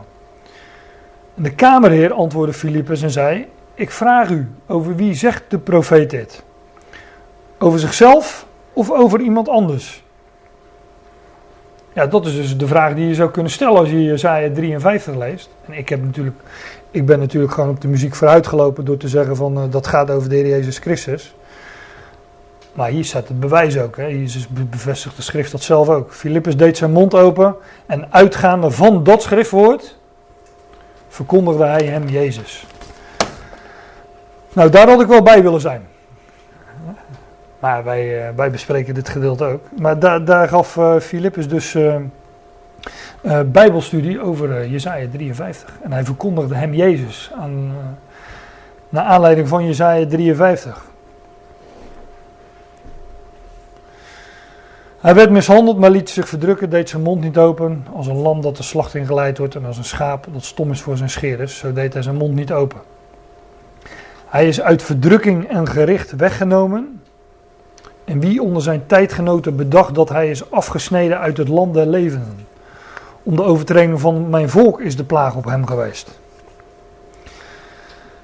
Het is een wat lastig vers. Tenminste, dat vind ik. Want wat betekent nu dat, uh, dat hij uit verdrukking en gericht is weggenomen? Ik uh, zou dat slaan op zijn dood. Hè, dat hij de, ja, uiteindelijk is de dood natuurlijk ook een verlossing op, uh, op lijden en op verdrukking. Ik, ik weet niet goed hoe ik deze moet lezen, dus ik geef maar mee wat ik dat ik er eh, verder niet zoveel over kan zeggen. En wie onder zijn tijdgenoten bedacht dat hij is afgesneden uit het land der levenden. Ja, ik denk dat dat, uh, dat dat slaat op dat niemand van zijn generatie oog had voor de weg die hij moest gaan. He, wie onder zijn tijdgenoten. Het is een wat, wat, wat lastige zin als je dat leest. En wie van zijn generatie, van de generatie van hem, wie? Hij mediteert. Het woord voor mediteren staat hier. Dat hij wordt afgehouden. Nou, ik, uh, wie, wie, wie van zijn generatie kon bedenken welke weg hij moest gaan? Ik denk dat dat, uh, maar dan parafraseer ik het, dan leg ik het uit. Maar ik denk dat dat de gedachte is. Dat lees je ook in de evangelie, hè, dat zelfs zijn eigen volgelingen, zijn eigen leerlingen nauwelijks een idee hadden van de weg die hij moest gaan. Dat hij moest leiden. Nou, hij is afgesneden uit het land der levenden. Dat, dat woord afgesneden, dat vinden we vaker. Ik weet niet of het hetzelfde woord is, maar de, de profetie van de 70 weken van Daniel. Daar staat na 62 jaar weken, zeggen dan de vertalingen, 62 zevens staat er letterlijk, zal de Messias afgesneden worden. En hij heeft niets. Want de Messias zou komen om zijn koninkrijk op te richten, maar na een bepaalde tijd, in deze tijdreiking, zou hij worden afgesneden. En hij zou niet hebben. Hij zou dat koninkrijk, hij heeft niets, hij heeft dat koninkrijk niet. Niet op dat moment in ieder geval. Tenminste, niet openbaar. Hij heeft het wel, maar het is verborgen. En dat is in Daniel ook nog uh, verborgen.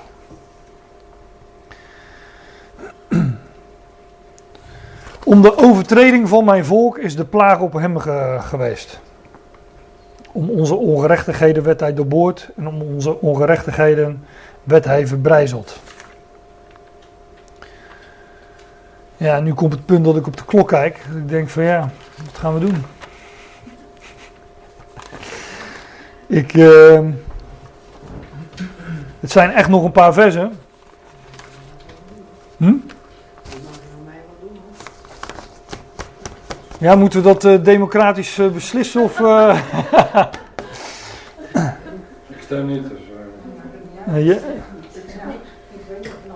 Sommigen onthouden zich van stemmen. Ja, ik, ik, misschien red ik het wel rond 12 uur, maar ik kan niet beloven dat ik... Ja, dan wordt het nog gelijk over Ja? Als het maar geen half één wordt. Nee, half één wordt het niet. Nee, nee. Ja, ik wil het wel, maar ik heb, ik heb een afspraak. Ik snap het. Nou, anders zet ik hem gewoon eh, twee versnellingen. Niet, niet snel. Nee, nee, nee, maar het heeft altijd een voordeel natuurlijk om die dingen in één keer te bespreken. En misschien is het nadeel dat jullie nu al zoiets hebben van, nou, eh, dit was al erg veel. eh, ga volgende keer maar verder. Maar ehm, ja, als, ik, als jullie zeggen van ga maar verder, dan eh treft mij geen blaam. Laat ik het zo zeggen. dus dan gaan we nog even verder. En jullie weten allemaal de, de deur toch? Dus als je zegt van ik moet nu echt weg, dan...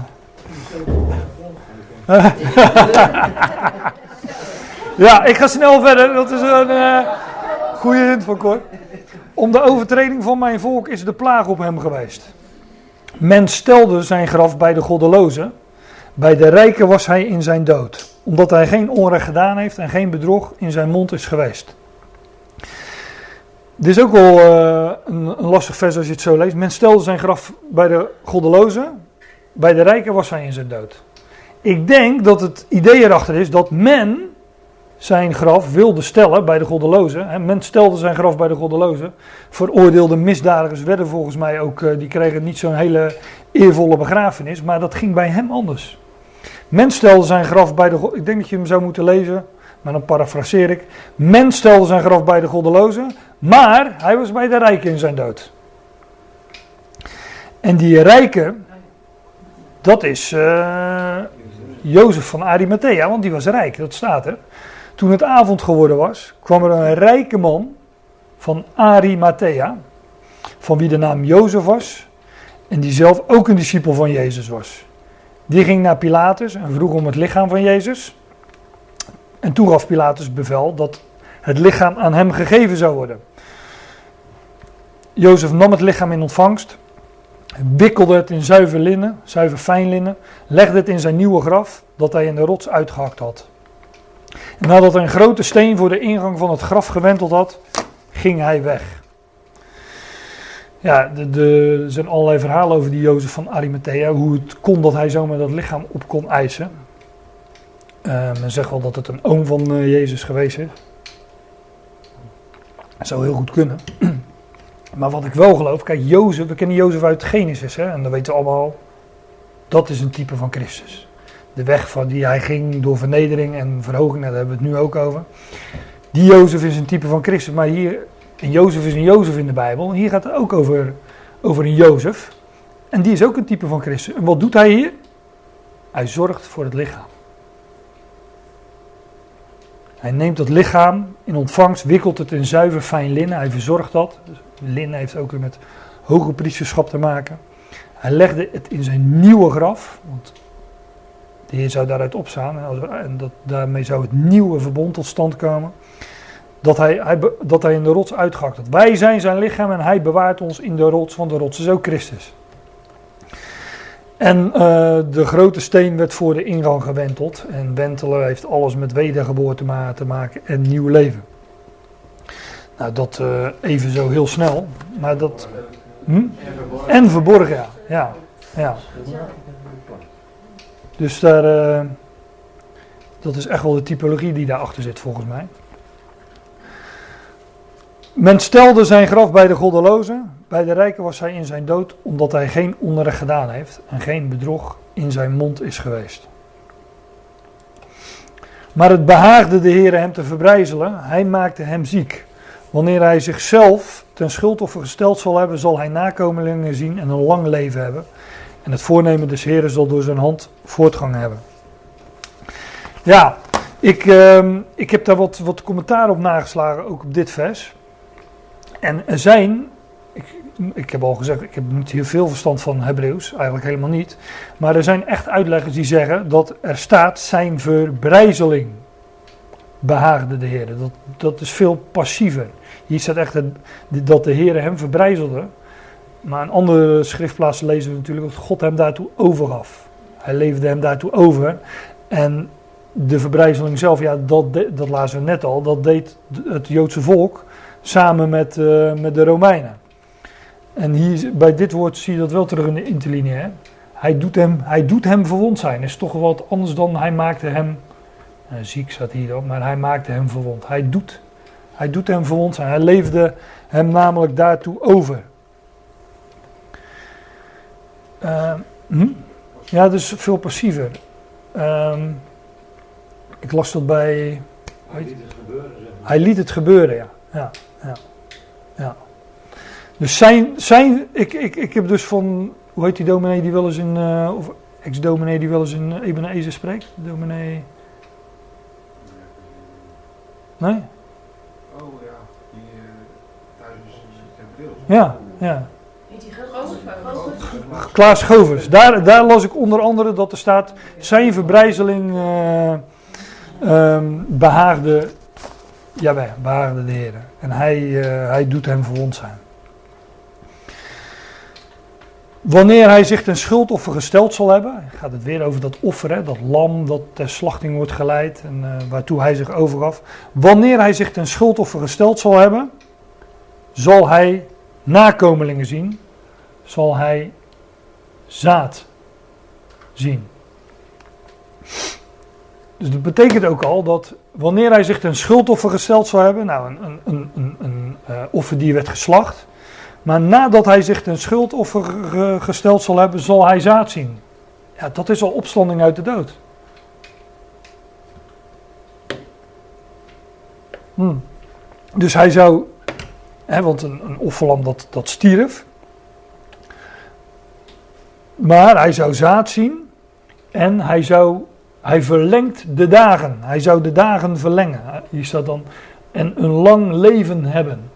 Nou, dat is met recht leven, want het is onvergankelijk leven. Hij is als eersteling opgewekt uit de dood en heeft onvergankelijk eh, leven en onvergankelijkheid aan het licht gebracht. Dus hij, hij verlengt, eh, hij zal zaad zien en, een- en, en hij verlengt de dagen. Ja, dat, dat kun je al zeggen, want dat is eindeloos namelijk. Dus dat is nogal een verlenging, dat hij de dagen verlengt. Dat is onvergankelijk leven namelijk. En dit is ook mooi, hier staat dan het voornemen. Dus Heer zal door zijn hand voortgang hebben. Ik wees er net al op, het verlangen van Jaweh zal in zijn hand, is in zijn hand voorspoedig. Dus wat Jaweh, wat God verlangt, dat zal in zijn hand of door zijn hand, door zijn rechterhand, hè, door Christus, door zijn zoon, door de Messias, zal dat eh, voorspoedig zijn. Dus al wat God zich voor ogen heeft, dat zal hij realiseren door de Messias, namelijk door zijn zoon.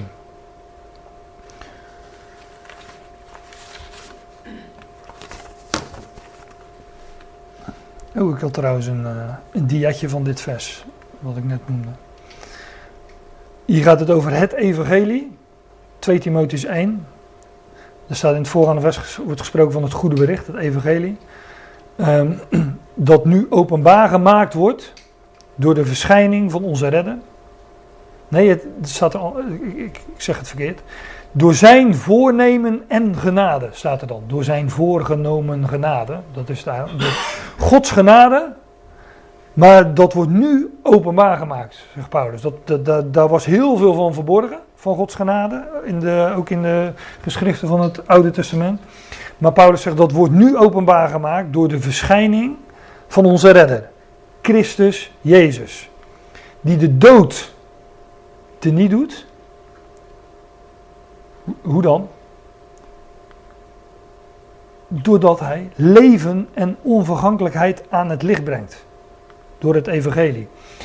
Maar de dood te niet doen is leven en onvergankelijkheid aan het licht brengen. En dat zijn twee zelfstandige naamwoorden, leven en onvergankelijkheid. Wij zouden zeggen onvergankelijk leven.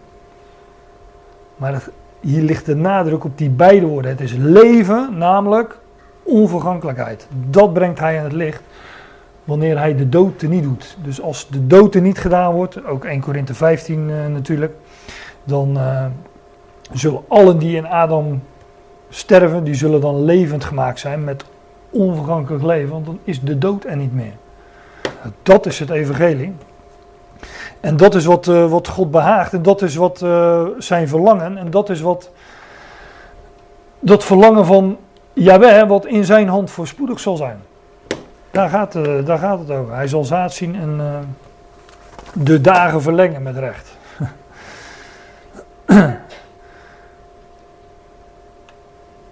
Om zijn moeitevol lijden zal hij het zien tot verzadiging toe. Door zijn kennis zal mijn knecht de rechtvaardigen vele rechtvaardig maken en hun ongerechtigheden zal hij dragen. Alleen deze, deze versen, ze noemen Jezaja wel de evangelist van het Oude Testament eh, of iets dergelijks, of het evangelie van het Oude Testament. Maar er wordt gesproken over dat hij zal de dagen verlengen. Het verlangen van je zal door zijn hand voorspoedig zijn. Hier ook weer om zijn moeitevol lijden, hè, om de arbeid van zijn ziel, het gezoek van zijn ziel, hè, zijn lijden, wat hij, dat hij zich eerst vernederd heeft, uh, om die weg van verhoging te gaan. Maar om zijn moeitevol lijden zal hij het zien. En dan staat het tot verzadiging toe. Dus dat wat hij zich voor ogen heeft, daarin zal hij verzadigd worden. Alleen als je dit soort versen leest dan, en je neemt, ze serieus, dan, dan kun je al niets met een, uh, met, met, met, een, met een leer van een hel en uh, een God die het merendeel van zijn schepselen uh, afschrijft of annihileert of wat dan ook. Nee, hij zal het zien tot verzadiging toe. Dat wat hij voor ogen heeft, dat wat hij wil, dat, daar zal hij in verzadigd worden. En door zijn kennis zal mijn knecht de rechtvaardige, velen rechtvaardig maken. Kijk, hier gaat het weer over die knecht des Heren. we hadden al, uh, we, hadden al uh, uh, opgemerkt dat dat natuurlijk de Heer Jezus Christus is. Door zijn kennis zal mijn knecht. Ja, hij, hij, wist dat hij wist dat hij die weg moest gaan. Van, van lijden, van vernedering. Om opgewekt te worden op de derde dag. En om verhoogd te worden. En, enzovoort. Om zijn moeten volleiden zal hij zien tot verzadiging toe. Door zijn kennis zal mijn knecht, de rechtvaardige, velen rechtvaardig maken. En hun ongerechtigheden zal hij, uh, zal hij dragen. Ja, hij zal velen rechtvaardig maken. Hoeveel zijn dat er? Nou, dat zijn er veel.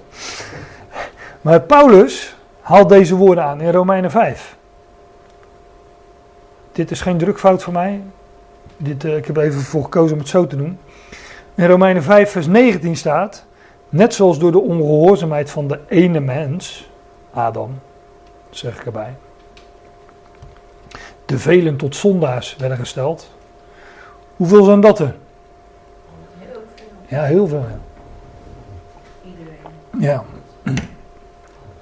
Net zoals door de ongehoorzaamheid van de ene mens de velen tot zondaars werden gesteld, zo zullen ook door de gehoorzaamheid van de ene, de velen tot rechtvaardiger gesteld worden. Eh, ik, ik heb al zo vaak gehoord, ja, maar er staat veel, er staat niet allen. Ik zeg, nou, uit het verband blijkt dat, kijk, als er allen zijn, zijn er sowieso veel. Toch? juist dan zijn er te veel. Maar je zou nog kunnen zeggen van ja, dit is een vers wat Paulus aanhaalt uit Jezaja en daar gaat het over, uh, over de velen en de velen is Israël, dus nou ja, enzovoort. Ja, maar in vers 18, het vers wat hieraan vooraf gaat, uh, legt hij al uit wat deze woorden werkelijk betekenen. Geeft hij de, de diepere betekenis eraan, zoals Paulus zo vaak een diepere betekenis mocht geven aan profetieën, aan... Uh, aan schriftgedeeltes die ook ja, die van toepassing, die hun toepassing hebben op Israël. Maar ja, de, waar Paulus echt de, de, de bedekking echt vanaf mocht nemen. Dus dan, hier staat eigenlijk hetzelfde, alleen met iets andere woorden. Dus dan zoals ze door één misstap, namelijk door die ongehoorzaamheid van die ene mens, voor alle mensen, kijk dat zijn ze wel allemaal, daar kun je, daar kun je niet omheen, tot veroordeling is, zo is het ook door één rechtvaardige daad. Nou, daar hebben we over gelezen in Jezaja 53, over die daad van die ene rechtvaardige. Voor alle mensen tot rechtvaardiging van het leven. En Paulus legt dat uit met vers 19, wat hij citeert, deels uit, uh, uit Jezaja 53. Eigenlijk zegt hij ook al, dat ligt dus in Jezaja 53 al, uh, al verborgen. Door zijn kennis zal mijn knecht de rechtvaardige velen, en Paulus zegt in Romeinen, alle, alle mensen rechtvaardig maken. en hun ongerechtigheden zal hij dragen.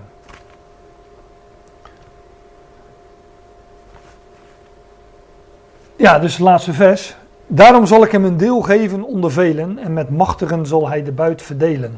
Dat is allemaal cryptisch hè, wat we hier uh, lezen. Omdat hij zijn leven heeft uitgegoten in de dood, letterlijk zijn ziel, hè, want de ziel is in het bloed, weten we uit uh, andere schriftgedeelten. Omdat hij zijn ziel heeft uitgegoten in de dood en onder de overtreders werd geteld, terwijl hij toch vele zonden gedragen en voor de overtreders gebeden heeft. Hè. Vader vergeef het hun, want ze weten niet wat ze doen. Als het werkelijk al dan geweten hadden ze het niet gedaan. Dat, dat eerste zinsdeel, daar wil ik nog iets over zeggen. En de rest spreekt denk ik voor zich. Hè. Hij heeft zijn ziel uitgegoten in de dood. Zijn bloed uitge, het, bloed, het bloed des kruisers. En hij is onder de overtreders geteld. Hij werd als een misdadiger gerekend en uh, gekruisigd en gedood. Gevonnist. En, uh, en, daarin heeft hij toch voor de overtreders uh, gebeden. Vader vergeeft hun, ze weten niet wat ze doen. Maar daarom, hè, omdat, omdat hij uh, het, omdat het verlangen van God, van Jahweh, door zijn hand voorspoedig zou zijn, uit dit vers. Het verlangen van Jahweh zal door zijn hand voorspoedig zijn. En omdat hij um, de velen zou rechtvaardig maken, ongerechtigheden zou dragen, om zijn moeite vol lijden enzovoort. Daarom zal ik hem een deel geven onder velen. Ja, hoe dat er precies staat, uh, daar... Uh, verschillende vertalingen ook, ook wel een beetje in. De Statenvertaling heeft, daarom zal ik hem een deel geven van velen.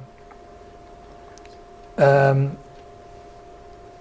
natuurlijk kun je dit ook toepassen op Israël. Hij zou, hij zou als Messias, als schaap van de kudde, als lam, zou hij, um, zou hij ja, zou, zou hij ook de koning, zal hij ook de koning zijn van dat volk. Hij zal een deel toebedeeld krijgen onder die velen, onder Israël. Maar ik denk ook hier dat hier wel een, uh, een verborgen toepassing in zit. Dat hij een deel toebedeeld zou krijgen onder velen, namelijk ook onder ons, onder de Ecclesia. En ik zou het niet durven zeggen als, uh, als ik de brieven van Paulus niet zou kennen. Maar Paulus zegt, in Romeinen 8 bijvoorbeeld, de geest zelf getuigt met onze geest dat wij kinderen van God zijn. Dus wij zijn kinderen van God. Maar als wij kinderen zijn, zijn wij ook lotbezitters, erfgenamen. Dat betekent dat wij van God een erfdeel, een lotbezit, een lotsdeel ontvangen. Maar lotbezitters, lot, lotdelers, lotgenieters van God, maar, maar ook samen lotbezitters van Christus. En hij zou een deel krijgen onder velen dat kun je ook voor toepassing brengen op de Ecclesia. Hij is het hoofd van het lichaam. Hij zou een deel krijgen onder velen. Ja, en wij zijn dan ons lichaam, uh, die velen. Wij zijn één lichaam met Christus. En aangezien het niet de eerste verwijzing is die we vinden naar zijn verhoging en verborgenheid en, en onze tijd, denk ik dat uh, het deel dat hij zou krijgen onder velen, dat het ook spreekt van onze tijd. En natuurlijk nog ook van de toekomst, wanneer hij zijn deel zal krijgen onder allen. Wat we net ook lazen in uh, Romeinen 5. Alle mensen. Ja, met machtigen zal hij de buit verdelen. Um, zal het soms ook over de Ecclesia gaan, dat hij met machtigen, wij, wij zullen dan met hem machtigen zijn. Nu niet vele machtigen, niet vele edelen, niet vele wijzen, zegt 1 Korinthe. Maar in de toekomst de hoogste positie innemen. Hè? Als lichaam, als regerend orgaan, want dat is het lichaam, als het lichaam van Christus. En hij zal met, uh, met machtigen de buit verdelen, namelijk regeren over hemel en aarde. Eén lichaam. Hoofd en lichaam zullen regeren over, uh, over hemel en aarde, maar dat zijn de brieven van Paulus. Maar ik meen dat ja, dat, dat hier toch wel in, uh, in verborgen ligt. In deze hele cryptische uitspraak. We zijn aan het einde gekomen van dit hoofdstuk. Nou, acht minuten over twaalf, dat valt mee. Ik zal volgende keer krijgen jullie acht minuten terug van me. Maar voor nu laten we het hierbij. nee, oké. Okay.